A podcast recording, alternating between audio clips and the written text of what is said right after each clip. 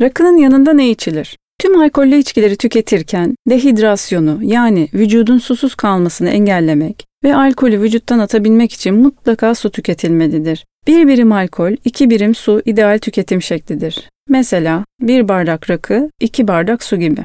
Su dışında şalgam suyu, soda, ayran tüketmek de mümkündür. Ayrıca rakı yanında değil ama arasında dinlenmek amaçlı çay ya da kahve de içilmektedir.